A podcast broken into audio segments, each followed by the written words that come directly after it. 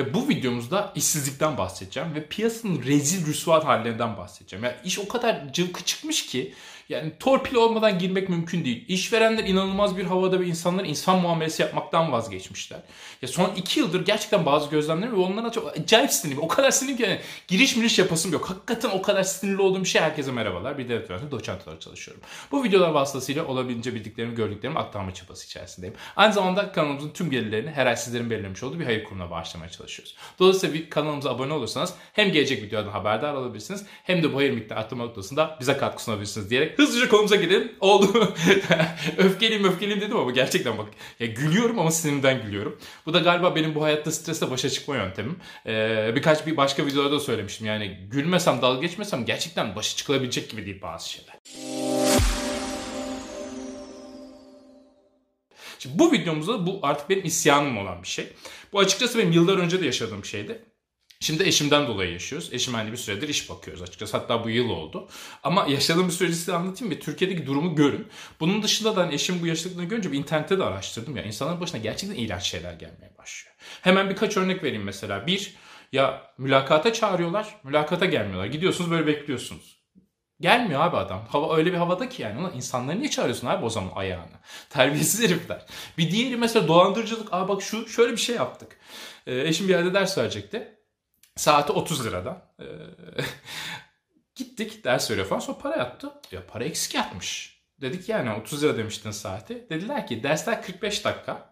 45 dakika olduğu için 3 saat ediyor 120 dakika ki 120 dakika etmiyor 45 çarpı 3 orada 15 dakika yiyor bizim. Geri kalan da ara olduğu için onu dersten saymıyoruz. O yüzden bizim olmuş saatlik 30 liradan ücret 20 liraya geliyor. Ya git gel ücretine değmiyor. Gerçekten bizim için önemli hani 3 aşağı 5 yukarı tanıyorsunuz. Yani para gerçekten çok umurumda. Yani bir şekilde iş olsun, bir hani yani sen kendini iyi hissetsin gibi bir şey. Çünkü biraz sonra video şeyde var. İşsizliğin psikolojik çok kötü bir tarafı da var. Biraz sonra ona da değineceğim zaten. Dolayısıyla amaç bu olduğu için hani çok umursamadık. Ama beni bazı şey o kadar rahatsız etti ki mesela o iş yerinde. Şimdi öğrenci, yabancı öğrencilerin bir kısmı çalışıyorlar bir de orada. Bak 20 lira veriyor. Adam Hawaii'ye falan tatile gidiyor ve o öğrencinin paralarını ödemiyor ya. 20 lira ya. Verdiğin 20 lira saatte 20 lira veriyorsun. Haftada çalıştığı zaten 8 saat. Aylık paralar 400 lira 500 lira. Bunları vermiyor ya. Bunun derdine düşmüş. Ya bak bak düşündükçe sinirim. Ya bir firmaya iş yaptık. Hem de öyle de böyle bilinen de bir firma yani. Kötü bir firma değil. Bir fiyatta anlaştık. Fiyat da çok uygun bu arada. Gerçekten hani fiyatta vereyim 17 bin lira. Bunda 9 bin lirası vergi gidecek 9 bin lira. Ee, pardon. Ee, %40'ın arası vergiye gidiyor. 9 bin lira para yatırmış olacak temelinde. Adam arabasının lastiği değildir bakın 9 bin lira. Yatırmadı ya adam bizim parayı. Gerçekten bak. Laboratuvar iş yaptık adam bizim parayı yatırmadı ya. Bir sorun iki sorun üçüncüye ben utandım dedim. Al gönlüm sadakası olsun sana ya. 9 bin dedim para mı ya senin için? Gerçekten senin için bir para değil. Ya benim için bile bir para değil. Hani bak öyle ya da böyle mükemmel bir hayatım yok zorlanıyoruz ama al gönlüm sadak olsun ya. Bu insanlar hani zenginler neden şerefsiz diye video çekmişler. Kim insan tepki gösterir ama bu patronlar işveren falan %90 şerefsiz ya. Bak gerçekten şerefsiz ya. Ya bitmiyor bu insanların yaptıkları. Ya köle arayan işverenler var ya. Görüyorsunuzdur ilanları. Ek sözle falan da düşüyor. Ya her şeyine karışıyor. Hafta sonuna karışıyor. İnsaniyet namına hiçbir iznin miznin yok. Verdiği para 3 kuruş kendi köle arıyor. Ve utanmadan artık bunun ilan çıkıyor ve insanlar da çaresizlikten bu yerlere başvurdukça bunlar da iyice bir havaya giriyorlar. Ya inanılır gibi değil. Ya da en kötülerinden bir tanesi mutlaka her seferinde araya tanıdık sokmak gerekiyor. Bu artık bir sistemin genel kabul görmüş bir hani normu olmuş. Bakın birebir yaşadığım bir şey anlatayım. Yine eşim bir yerde final mülakatına kaldı. Şimdi eşim eşim diyorum yanlış anlaşılmasın. Yani eşim öyle ya da böyle 3 tane dil biliyor ana dili gibi. Korece zaten ana dili. İngilizcesi gayet iyi. Türkçesi zaten ana dili gibi şu anda. Zamanında Kore'nin en büyük e, birisini yapmış birisi. Hani şey gibi olmasın lütfen buralar. Ama abi bak gidiyoruz. Yani normalde işe alınabilir birisi. Hani belli düzeyde diyelim. Gidiyoruz abi bir yerin müdürüyle görüşüyor ve müdür gerçekten bir telefon uzandı. Yani çok rahat ulaşabileceğim bir tanıdığımın tanıdığı yani oranın en üst seviyedeki insanı. Aramıyorum tabii ki ama herkes diyor ki araman gerek hocam. Yani niye aramam gerek abi finale kalmış hakkıysa alın hakkı değilse de gönderin gitsin. Bunda hiçbir sıkıntı yok. Abi ondan sonra alınanları öğreniyorum herkes arıyor. Ve sistem tam olarak bu. O final mülakatına kalmak demek şu anda Türkiye'de bakın özel sektörde bile şu demek. Hemen herkes sağa sola referansını uygulayacak. Kimin tanıdığı daha şeyse orada o alınacak. Bu genel bir beklentiye dönmüş. Oranın müdürü de bu beklenti içerisinde artık. Ya bu kabul edilebilir bir şey değil. Sonra ben illallah ettim. Gerçekten dedim ki yurt dışına başvur. Abi yurt dışına başvurduk Google görüşme istedi. Ya bak şimdi beni rahatsız eden şeyler anlamak istiyorum. Google görüşme istedi. Mülakatlara katılıyor. her mülakat için ücret ödendi. Bakın mülakatta sizin bir zamanınızı alıyoruz diye Google ücret ödüyor. Şimdi bu, bu nasıl bir şey ya? Ya gerçekten tiksindim. Abi bıktım yani hakikaten bıktım. Zamanında ben de yaşamıştım anlatmıştım. Gidiyorum mülakata eğleniyorum. Gidiyorum mülakata eğleniyorum. Ya belli bir süre sonra işsizin psikolojisi de şöyle çok iyi bildiğim bir psikoloji bu. Ya dışarı çıkarken bile böyle şey hissediyorsun yani ailenden para aldığın için hani kendini kötü hissediyorsun. Bir içecek içerken bile işe yüce yaramıyoruz diyorsun. Kendi özgüvenin düşüyor ya. Ve birçok pırıl pırıl gencimiz bu iğrenç sistem yüzünden suç kendinde bulmaya başlıyor. Halbuki inanın bana ki bakın ben burada umut veren öyle şey bir polarizlik çizen bir şey değil, kanal değil burası ilk kez izliyorsanız. İnanın bana suç sizde değil ya. Bakın işe giremeyebilirsiniz. Lay lay lom üniversite okumuşsunuzdur. Hiçbir şey yapmamışsınız. Gezmişsiniz, tozmuşsunuz. işe giremeyebilirsiniz. Ama Türkiye öyle bir hale gelmiş ki lay lay lom gezmiş, tozmuş. Bir kere kitap yüzü açmamış adamı çatır çatır tanıdık vasıtasıyla sosyal normları, güçleri sayesinde işe giriyor. Pırıl pırıl gençler işsiz güçsüz dolaşıyor. Ve bakın bilimsel çalışmadan hemen bir iki tanesinden de bahsedeyim kanalımızda konseptimiz gereği. Bilimsel çalışmaya sokayım bunu. Ya hocam çok net çalışmalar var. İşsizlik bir, ülkenin verimli iş gücünün atıl kapasite dönüşmesi ülkenin makroekonomik düzeyini hızla aşağı çeker. İki, bu insanlar psikolojik olarak çok yıpranıyorlar. Ya ben de çok yıprandım. Hani az önce dedim ya, ya abi bir yer dışarı çıkarken bir kola içerken bir ayran falan içerken gerçekten düşünüyordum. Çok üzülüyordum. Kendimi böyle yetersiz falan hissediyordum. Bu da size moral olsun. Kendimi yetersiz falan hissediyordum. Şimdi yayın performansı binde sekiz. Ya ben binde 8'e girebilecek bir adamı kimse nasıl almayabilir ya bu ülkede? Ya nasıl almaz benim aklım almıyor artık yani. 30 mülakat girip nasıl elenirsin? Ama işte Türkiye öyle bir hale gelmeye başlamış ki herkes bir yerden adam sokup ancak bu şekilde işe girebilir hale geliyor. Hemen şu deneysel şey çalışmalardan da bahsedeyim. Çünkü bunun ne kadar kötü bir hani bir nesli gerçekten psikolojik olarak da alaşağı edebileceğinin örnekleri olsun burada. Mesela yapılan çalışmalar bir tanesi şu. New York Üniversitesi'nde yapıyorlar bu çalışmayı. Tek yaptıkları bakın şu. İnsanları oturtturuyorlar. Bir ekran var. Ekrana bakıyorlar. Ekranda işte başarısızlık kelimesi geçiyor. İşe yaramaz kelimesi geçiyor. Yaşlı kelimesi geçiyor. Hani birçok böyle hani insanın şey olarak aşağı çekecek kelimeleri görüyorlar. Bu kelimeler nedir ne değildir hiçbir şey yok. Oturtuyorlar sadece ekrana bu kelimeye bakacaksınız diyorlar. Bir diğer gruba ise başarılı, hızlı, genç, dinamik falan gibi kelimeler geçiyor. Sonra asıl deney şu. O odadan bir başka gözlem için güya başka bir odaya gitmeleri gerekiyor koridorun sonundaki. Bu insanların sadece o iki oda arasındaki yürüyüş mesafelerinin zamanı tutuyorlar. Ve güzel sözleri duyan insanların o kötü sözleri duyan insanlara göre çok daha hızlı yürüdükleri fark ediliyor. Aynı zamanda diğer odaya girdiklerinde göstermeleri gereken performansı da çok daha üst düzey gösterebiliyorlar. Bakın sadece ve sadece hiçbir anlamı olmayan onlar için o anda bazı kelimeleri oturdular gördüler. Kelimenin anlamı yok demiyorum.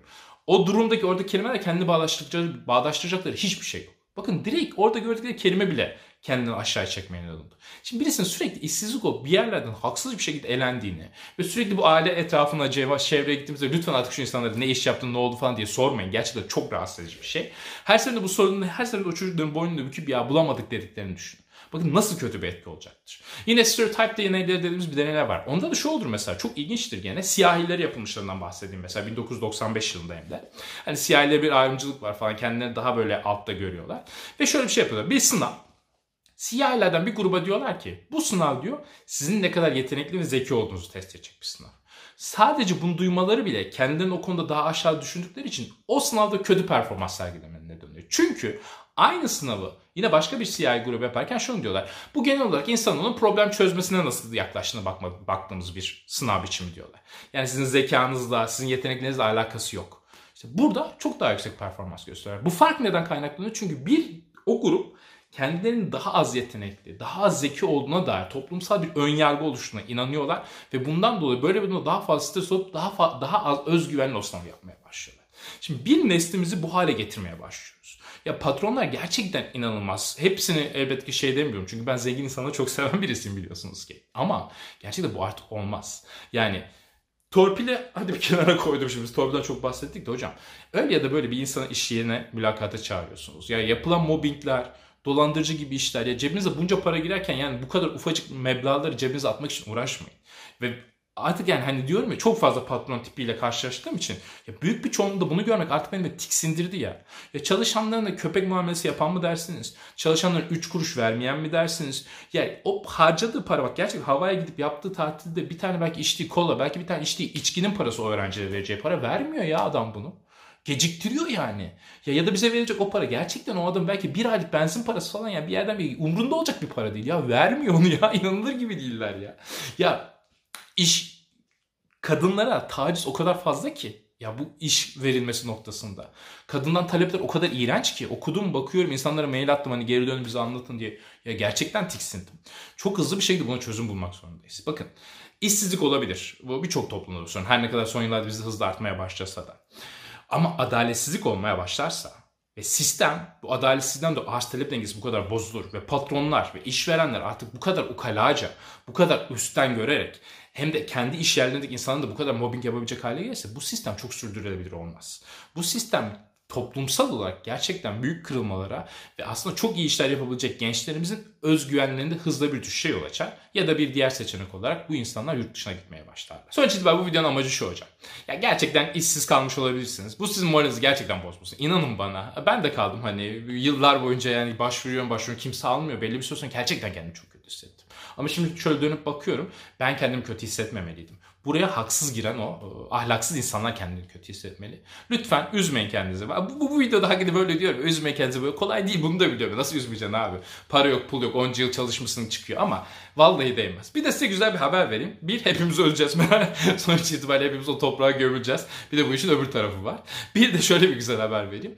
E, zaten elde sonunda bu sistem patlayacak. Niye patlayacak? Şu anki zaten şeylere baktığımızda emeklilik sisteminin en azından bu şekilde ayakta kalamayacağını görüyoruz. Çünkü çalışan ufak bir kesim emekli olan büyük bir kesim doyurmak zorunda. Bu sistem patlayacak dolayısıyla o günleri bekleyip de belki teselli olabilirsiniz.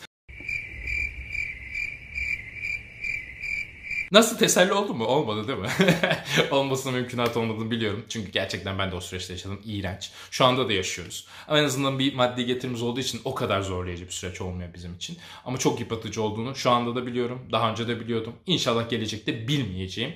E, tüm bu süreçleri daha düzgün bir şekilde yoluna girecek hale getireceğiz. Bu video dediğim gibi böyle bir içim çok doldu. Özellikle gençlerimize baktığımızda hani bizim için dediğim gibi çok kısa sürede yurt dışı şeyine döndüğümüzde uzaktan çalışma için yani birçok fırsatın çıkabileceğini olabileceğine inanıyorum.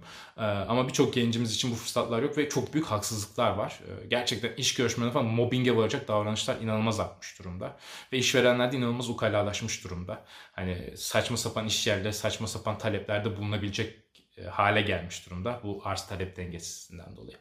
Bu videomuzda böyle bir videoydu. Çok sinirliyim. Bu sefer sosyal medya hesaplarımızdan aşağıdan takip edebileceğizden bahsetmeyeceğim diyerek videomuzu bitirelim. Görüşmek üzere. Daha güzel günlerde.